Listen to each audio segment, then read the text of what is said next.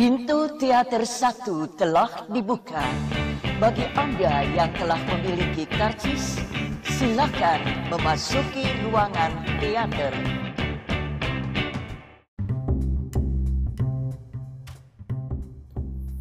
Halo semuanya, balik lagi sama gue Mustafa di podcast Habis nonton film uh, Finally, gue akhirnya nonton Shoplifters uh, Film terbaru dari Hirokazu Koreda yang berhasil memenangkan Palme d'Or kan terakhir uh, Setelah sekian lama dia membuat film yang keren ya.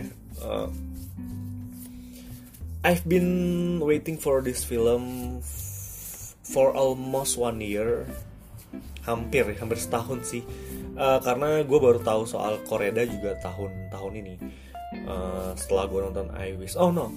Uh, Desember tahun lalu gue pertama kali nonton film Hirokazu Koreda yang judulnya uh, I Wish. Jadi uh, tahun lalu Desember tahun lalu tuh gue lagi ngerjain sebuah film pendek judulnya Tiket ke Bioskop tentang seorang anak kecil yang pertama kali yang ingin pertama kali pergi ke bioskop gitu spiritnya spirit film anak-anak tapi uh, uh, tema yang diangkat soal soal harapan soal keluarga soal mimpi yang gue bikin sana dan setelah gue bikin film itu setelah gue mulai editing dan filmnya udah selesai barulah gue menemukan film I Wish yang di mana akhirnya gue menyesal kenapa gue nonton I Wish dan sebelum gue sebelum gue bikin film pendek itu. Uh, shoplifters. Kita ngomongin shoplifters ya. Uh, gue berekspektasi sangat tinggi uh, terhadap film ini da, tapi sayangnya menurut gue film yang bagus ini itu nggak sebagus film Koreda yang lain. Personally menurut gue pribadi. Sebagai orang yang sangat cinta dengan karya Koreda gue tidak terlalu merasa film ini sebagai sebuah masterpiece dia gitu ya. Uh, karena gue udah nonton uh, Mabarosi gue udah nonton. Uh, Nobody Knows yang sangat bagus itu. Uh, Still Walking gue udah nonton. I Wish Like Father Like Son sama After the Storm. Nggak nggak semuanya gue tonton tapi minimal ke semua film itu punya taste yang yang yang gue bikin wah keren banget. Ini ini ini bagus ini bagus. Ke sana ke sana uh, setiap film punya punya rasanya sendiri gitu. Uh, dan apalagi gue paling suka Like Father Like Son uh, kalau lo belum nonton segera tonton Like Father Like Son karena film itu punya tema FTV tapi eksekusinya sangat cerdas, brilian, sensitif, sentimental, uh, sentimental, uh, bisa bisa bikin kita berkaca dan bertanya-tanya lagi soal makna anak dan keluarga gitu. Sama seperti Shoplifters ya. Buat kalian yang belum tahu, Shoplifter itu menceritakan tentang satu keluarga mm, yang punya kehidupan berbeda-beda tapi pada dasarnya mereka hidup dari kegiatan mencuri gitu. Jadi ada uh, seorang ayah yang bernama aduh siapa sih namanya? Uh, siapa ya namanya? Ntar gue coba ingat-ingat hmm. Osamu. Oh iya benar Osamu. Uh, jadi ada seorang ayah yang bernama Osamu yang dia itu sama dia dia jadi keluarga ini punya seorang ayah seorang istri seorang anak seorang uh, adik perempuan dan bukan adik perempuan seorang apa ya nyebutnya uh,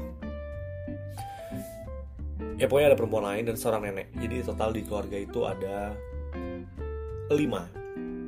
Sampai suatu ketika ketika setiap setiap hari jadi mereka mereka itu uh, si Osamu dan anak laki-lakinya Shota itu selalu mencuri di supermarket untuk bisa mendapat makanan dan kehidupan sehari-hari mereka terpenuhi dari sana itu ngambil ramen ngambil apa pun lah apa pun lah ngambil sana. Suatu hari dengan rutinitas biasa itu sepulang dari sana mereka bertemu dengan uh, seorang anak-anak yang sedang terlantar di depan rumahnya.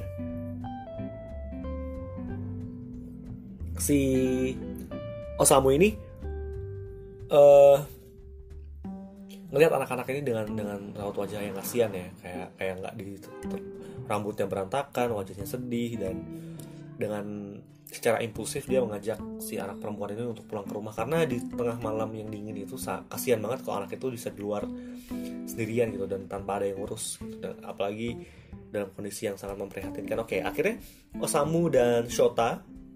Shota ini anak umur uh, anak anak kecil ya anak kecil membawa si anak perempuan ini pulang ke rumah dan diberi makan. Uh, ditanya namanya siapa kenapa bisa di rumah kayak gitu. Oh, ternyata setelah kita tahu uh, si anak ini sepertinya mendapatkan siksaan dari orang tuanya. Sepertinya sepertinya tidak diperhatikan oleh orang tuanya dan mendapatkan apa ya kekerasan fisik. Terus uh, gue gue gue gue akan ceritakan uh, cerita ini secara utuh karena mungkin uh, mungkin kalian yang dengerin ini juga nggak nonton filmnya tapi nggak apa-apa lah ya. Gue gue coba ceritakan isi filmnya. Kalau kalian tidak uh, tidak mau tahu soal ceritanya oke. Okay. sama seperti podcast gue sebelumnya mungkin kalian bisa berhenti di sini tapi gue akan cerita lebih dalam. Jadi itu dia berhasil menemukan anak itu anak itu akhirnya dikasih makan dikasih ganti baju akhirnya menginap di sana. Uh, sampai akhirnya mereka merasa apakah apakah kita ini menculik anak-anak ya gitu. Si istrinya si Osamu ini ngerasa kita ini menculik anak-anak ya. Terus akhirnya mereka dapat satu konklusi kalau mereka merasa oh kita tuh nggak nyulik anak-anak kita menyelamatkan dia. Toh kalau kita nganggap dia menculik anak-anak kita nggak minta uh, uang tebusan kata mereka seperti itu. Uh, sampai suatu ketika mereka oke okay, mereka mereka merasa mereka harus membalikan rumah ke anak ini ke rumahnya dan setelah mereka sampai rumahnya ternyata di rumah itu sedang terjadi pertengkaran dan barang-barang pecah sana sini hingga akhirnya Osamu dan istrinya ngerasa oke okay, kayaknya kita bawa pulang aja deh kalau kita balikin akan anak ini kasihan banget gitu akan lebih merasa tersiksa gitu. Akhirnya anak itu dibawa pulang uh, namanya Juri. Dia diberi hidup um, di apa ya dirawat dipotong rambutnya dan di, dari situ kita tahu kalau ternyata Yuri itu dat datang dari keluarga yang sangat mess up gitu ya. Jadi sangat berantakan hidupnya. Terus uh, setelah itu di situ bergulirlah cerita. Si si Shota si anak kecil ini merasa kalau uh, kedatangan Juri ini mempengaruhi hidupnya karena akhirnya kasih dari sang ayah itu terbelah gitu. Dia merasa dia merasa tidak disayangi lagi. Itu itu secara secara ceritanya. Akhirnya Juri belajar tentang gimana mencuri barang di di di toko-toko gitu yang sebenarnya itu nggak boleh di, dilakukan ya yang membuat film ini menarik sebenarnya film itu bercerita tentang uh, orang-orang yang terlupakan orang-orang yang dilupakan orang-orang yang uh, yang tidak berfungsi bukan tidak berfungsi orang-orang orang-orang yang tidak dibutuhkan dalam lingkungannya sebelumnya. Jadi Shota datang dari uh, keluarganya. Jadi Shota itu sempat itu Shota itu uh, apa gimana ya gue ceritain ya. Spoiler juga soalnya. Shota itu datang dari Shota itu sama seperti Juri. Dia juga diculik. That's the the, the twist. Uh, sorry kalau gue, gue bilangin di karena ternyata keluarga ini tuh ternyata difungsi disfungsi juga. Si keluarga yang kita anggap harmonis kita anggap punya punya bond yang sangat lama lekat gitu. Ternyata ternyata mereka itu merasa uh, merasa apa ya? Meskipun meskipun mereka diikatkan dengan kehidupan sehari-hari seperti keluarga tapi ternyata mereka tidak tidak tulus mencintai satu sama lain. Itu itu yang digambarkan di film ini. Yang berhasil membuat gue kenapa gue tetap suka film ini? Karena gue berhasil dikecewakan dengan perilaku karakter yang ada di dalam film ini. Uh, ketika ketika jadi satu satu ketika si Shota dan Juri ini mencuri barang dan Shota Shota uh, sengaja untuk tertangkap agar si adiknya tidak tertangkap. Ternyata di luar dugaan gue, si Osamu dan istrinya dan sekeluarganya tadi yang yang hidup bersama si Shota tadi ingin kabur meninggalkan Shota di rumah sakit karena mereka takut tertangkap dan karena mereka takut kehidupan asli mereka terkuak dan diliput uh, tertangkap polisi akhirnya gitu dan itu yang membuat si Shota setelah diberitahu karena uh, mereka itu tidak menganggap tidak tidak berlaku seperti keluarga karena kalau keluarga tuh nggak memperlakukan kalian seperti itu. Itu yang membuat Shota merasa patah hati membuat Shota merasa oh iya gua gua tuh gua tuh dikhianati gitu. Uh, menarik sih. Semua semua karakter di film itu menarik. Si Osamu sebagai tukang bangunan yang kadang-kadang mencuri. Yang yang bukan kadang-kadang sih setiap hari mencuri si istrinya itu seorang uh, tukang laundry yang mencuri barang dari dari celana dan dari yang ada di laundry laundry itu kan suka ngambil celana terus nanti dia bisa ngambil barang yang ada di celana itu gitu. terus ada si Aki Aki ini datang dari uh, keluarga uh, keluarga lain yang tinggal bersama Osamu dan posisinya tuh seperti apa ya adik ipar ya model-model gitu sih. Tante atau apa gimana ya gue susah menjelaskan ya. Dan dia tuh kerjaannya uh, jadi pemuas hawa nafsu lelaki-lelaki di Jepang gitu jadi kayak apa ya modelnya kayak ada bilik dengan kaca dua arah yang terbatas penglihatannya kalau dari sisi dari sisi penarinya gitu. Dia joget-joget dan dibayar karena eh, mungkin dia merasa di keluarga aslinya dia tidak dihargai, tidak dianggap sebagai seorang anak yang bisa membanggakan karena yang dianggap membanggakan oleh si Aki, yang diang, di, dianggap membanggakan oleh orang tua Aki ini adalah adiknya. Gitu akhirnya dia tinggal bersama uh, Osamu dan keluarganya. Terus ada lagi si nenek. Si nenek ini si nenek ini punya uh, ditinggal suaminya yang udah meninggal dan dia punya pensiunan yang selalu menghidupinya tiap bulan sebenarnya. Tapi si nenek ini juga seorang pecandu uh, pachinko mesin judi mesin judi Jepang gitu lah. Yang duitnya tuh selalu dipakai itu ketika dia dapat duit gitu. Jadi disfungsi maksudnya uh, mereka punya punya punya keribetan punya punya permasalahan masing-masing yang yang membuat hidup mereka tuh sebenarnya seperti bola salju tapi mengarah ke sesuatu ledakan yang sangat yang tidak mereka harapkan gitu. Uh, itu dan si nenek itu dapat juga dapat uang dari keluar jadi si si nenek itu punya suami. Sebelum suaminya meninggal dia punya istri. Nah si istri ini punya anak. Oke okay. si anak ini yang, yang jadi orang tuanya eh si anak inilah orang tuanya si Aki tadi gitu. Jadi jadi si nenek itu setiap setiap bulannya pergi ke ke anak si istrinya suaminya yang baru dan dia minta uang gitu lah gitu, uang. Tanpa sepengetahuan si Aki gitu ya. Jadi uang itu dipakai buat main pachinko gitu. Terus ada lagi siapa? Uh, itu si karakternya. Karakternya datang dari sana film film ini ya itu film ini bicara tentang keluarga yang yang bagi ternyata apakah keluarga itu diciptakan dari darah daging? Apakah melahirkan seorang anak otomatis membuat lu sebagai ibu gitu? Apakah ibu ibu itu dinilai dari kasih sayang? Gue tuh gue gue sangat relief gue sangat sangat sangat sangat tersentuh ketika si anak perempuan si Juli tadi berubah kehidupannya menjadi lebih happy ketika dia merasakan dia mendapatkan keluarga yang tepat gitu gue pun merasa seperti itu. Oh keluarga ini keluarga yang utuh meskipun kehidupan mereka sebagai pencuri sebagai segala macamnya. Ternyata ternyata nggak setulus itu. Itu yang gue tangkap di film ini. Ternyata kehidupan mencuri mereka itu tuh buat apa ya? Buat uh, ternyata banyak kriminal kriminal yang terjadi di baliknya dan membuat kita ngerasa oh keluarga yang kita tadi awalnya ngerasa mereka itu bond each other dan ngerasa mereka lekat satu sama lain ternyata tuh enggak. Itu yang membuat film ini heartbreaking yang membuat mereka ini film ini bisa berhasil buat gue patah hati gitu. Apalagi setelah kita kita tuh posisinya sebagai Shota. Kalau kalian nonton film ini posisikan kalian sebagai Shota. Itu yang gue tangkap. Kita tuh sebagai Shota yang yang yang ternyata dia dikhianati. Jadi jadi uh, gue mau ceritain di sini filmnya. Jadi Shota. Jadi Osamu itu dulu pernah mencuri sesuatu di mobil gitu.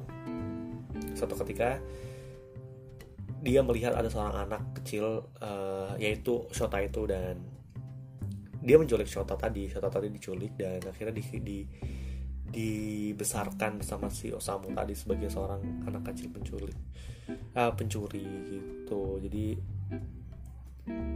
Shota Shota Osamu tuh selalu berharap Shota memanggilnya dengan panggilan ayah tapi itu tidak pernah terjadi. Yang di mana tadinya gue bertanya-tanya kenapa sih kenapa sih Shota ini gak pernah manggil bapaknya bapak ya? Apa kenapa? Apa apa alasannya? Ternyata ya itu ternyata si Shota itu adalah anak hasil penculikan juga.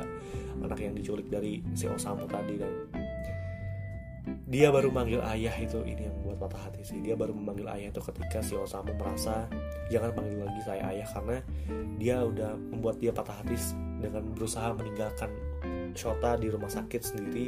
Ketika dia tahu Shota itu udah ditangkap polisi bukan ditangkap polisi dijaga rumah sakit dan Osamu terancam ditangkap polisi gitu. Heartbreaking sih tapi gue gua kalau kalau kalian nonton film oke okay, uh, katakanlah kalian nggak nonton Shoplifters tapi kalian tertarik dengan Korea gue sarankan kalian menonton film I Wish Shoplifters Maborosi After the Storm uh, Our Little Sister. Itu itu itu film-film dia yang buat gue sangat suka film Like Father Like Son. Gue sangat suka karena film itu menciptakan perspektif baru gue tentang uh, ini makna anak dalam sebuah keluarga makna anak dalam dalam apakah anak itu dilihat dari darah daging. Sama sebenarnya sebenarnya apa yang dibicarakan di film Shoplifter sama Like Father Like Son itu kurang lebih punya punya core yang sama. Tapi kalau Shoplifter itu bicara tentang satu keluarga utuh yang datang dari berbagai macam berbagai macam latar belakang tapi kalau Like Father Like Son itu tentang ayah dan anak gitu. Apakah anak anak itu dilihat dari darah kan apa darah daging darah kan darah yang apa ya anak kandung itu sebagai orang ayah dan anak atau seberapa lama kita membesarkan seorang anak. Tuh Lek Laksan tuh ngomongin itu sih. Gue sangat suka Lek Laksan I wish juga I wish juga menarik. Hirokazu Koreeda tuh suka banget bicara tentang posisi anak dalam keluarga tentang orang tua tentang keluarga yang tidak sempurna tentang apa yang terjadi di dunia nyata. Shoplifters itu sangat sangat tidak klise menurut gue nggak klise. It can be happen dan it can be uh, everyone else. Ya siapa? Itu semua bisa semua orang bisa bisa seperti yang ada di cerita film itu. Tapi menurut gue endingnya tidak sepowerful like Father Like Son atau I Wish atau atau yang lain-lain ya. Karena gue masih inget rasanya setelah nonton Like Father Like Son gue bergumam dalam hati gue kayak oh fuck the ending tuh bagus banget gitu. Kenapa kenapa Fred Lexer tuh bisa sebagus itu dengan acting anak-anaknya? Gue bisa sedih sedih sedihnya di sana. I wish juga gue punya harapan baru lagi tentang tentang merelakan apa yang terjadi tentang mencukuri takdir.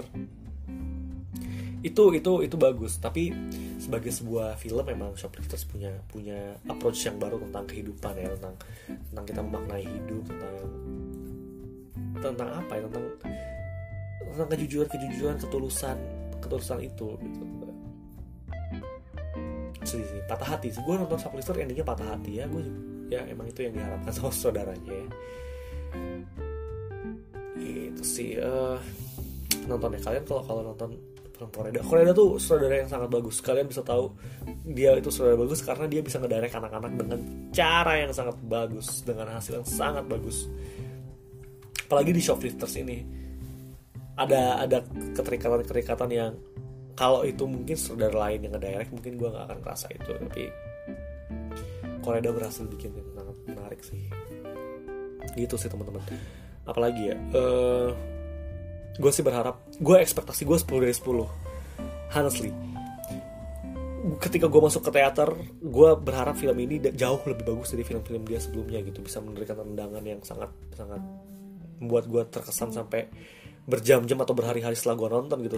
Itu yang terjadi ketika gue pertama kali nonton I Wish dan Like Father Like Son dan akhirnya gue ceritakan gitu ke semua orang lu harus nonton I Wish lu nonton harus Like Father Like Son itu selalu gue ceritakan. Tapi Shoplifters ini enggak. Menurut gue gue akan nyuruh mereka nonton Shoplifters ketika mereka udah nonton film Korea yang lain. Mereka harus jatuh cinta dulu sama Korea baru mereka akan nonton Shoplifters itu yang gue harapkan sih gitu.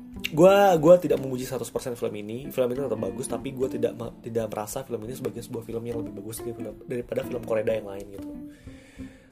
Mau nggak mau gue harus membandingkannya karena gue udah nonton film Korea yang lain gitu. Atau atau gue ngerasa gue bukan gue tidak bisa memaknai film ini sebagai sebuah seni atau uh, film film yang punya makna konteks konteks yang yang sangat dalam gitu gitu. Atau ya gue sih lebih merasa berkesan setelah gue nonton One Cut of the Dead sih. Tuh itu itu bener-bener kerasa efeknya tuh jangka panjang gitu. Kalau kalau shoplifters ya efeknya ada efeknya tapi lebih kepada kepada sebenarnya apa sih yang barusan gue tangkap di sana? Kenapa kenapa filmnya tidak tidak semenggelegar yang gue bayangkan gitu sih. Bagus bagus. Filmnya bagus punya punya isu dan punya cerita yang sangat menarik tapi tidak se powerful yang biasanya tidak senendang yang biasanya. Gitu sih teman-teman. Buat kalian yang pengen nonton shoplifters kalau nggak salah masih ada pemutaran minggu depan tapi sold out. Sayang sekali sold out. Ya mungkin tunggu aja nanti mungkin kalian bisa akses di OTT atau gimana itu. Ngomongin keluarga ngomongin film tentang keluarga itu emang menarik sih. Apalagi kalau kalian nonton film Korea yang lain kan mesti tahu filmnya punya approach yang menarik tentang posisi anak dalam keluarga tentang ya gitu sih. Oke. Oh ya gue juga pengen tahu uh, gue nonton ini bareng pacar. Cie. di request soalnya orangnya pengen tahu kalau gue nontonnya sama dia.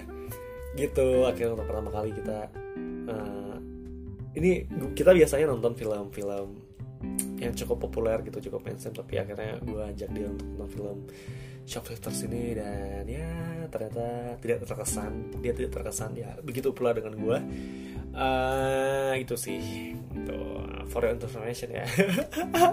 Karena ini request dari orang. Oke okay, uh, apa lagi ya? Uh, gue pengen ngasih tau kalau tadi gue nonton itu sold out full house. Uh, ada Mas Riza di sana ada Mas Edwin ada ada Sherina ada ada banyak deh ada ada banyak filmmaker filmmaker dan orang-orang yang gue tahu berkecimpung di dunia perfilman itu nonton. Ada Haki uh, penulis rompis ada ada teman-teman dari Sinekrip reviewer.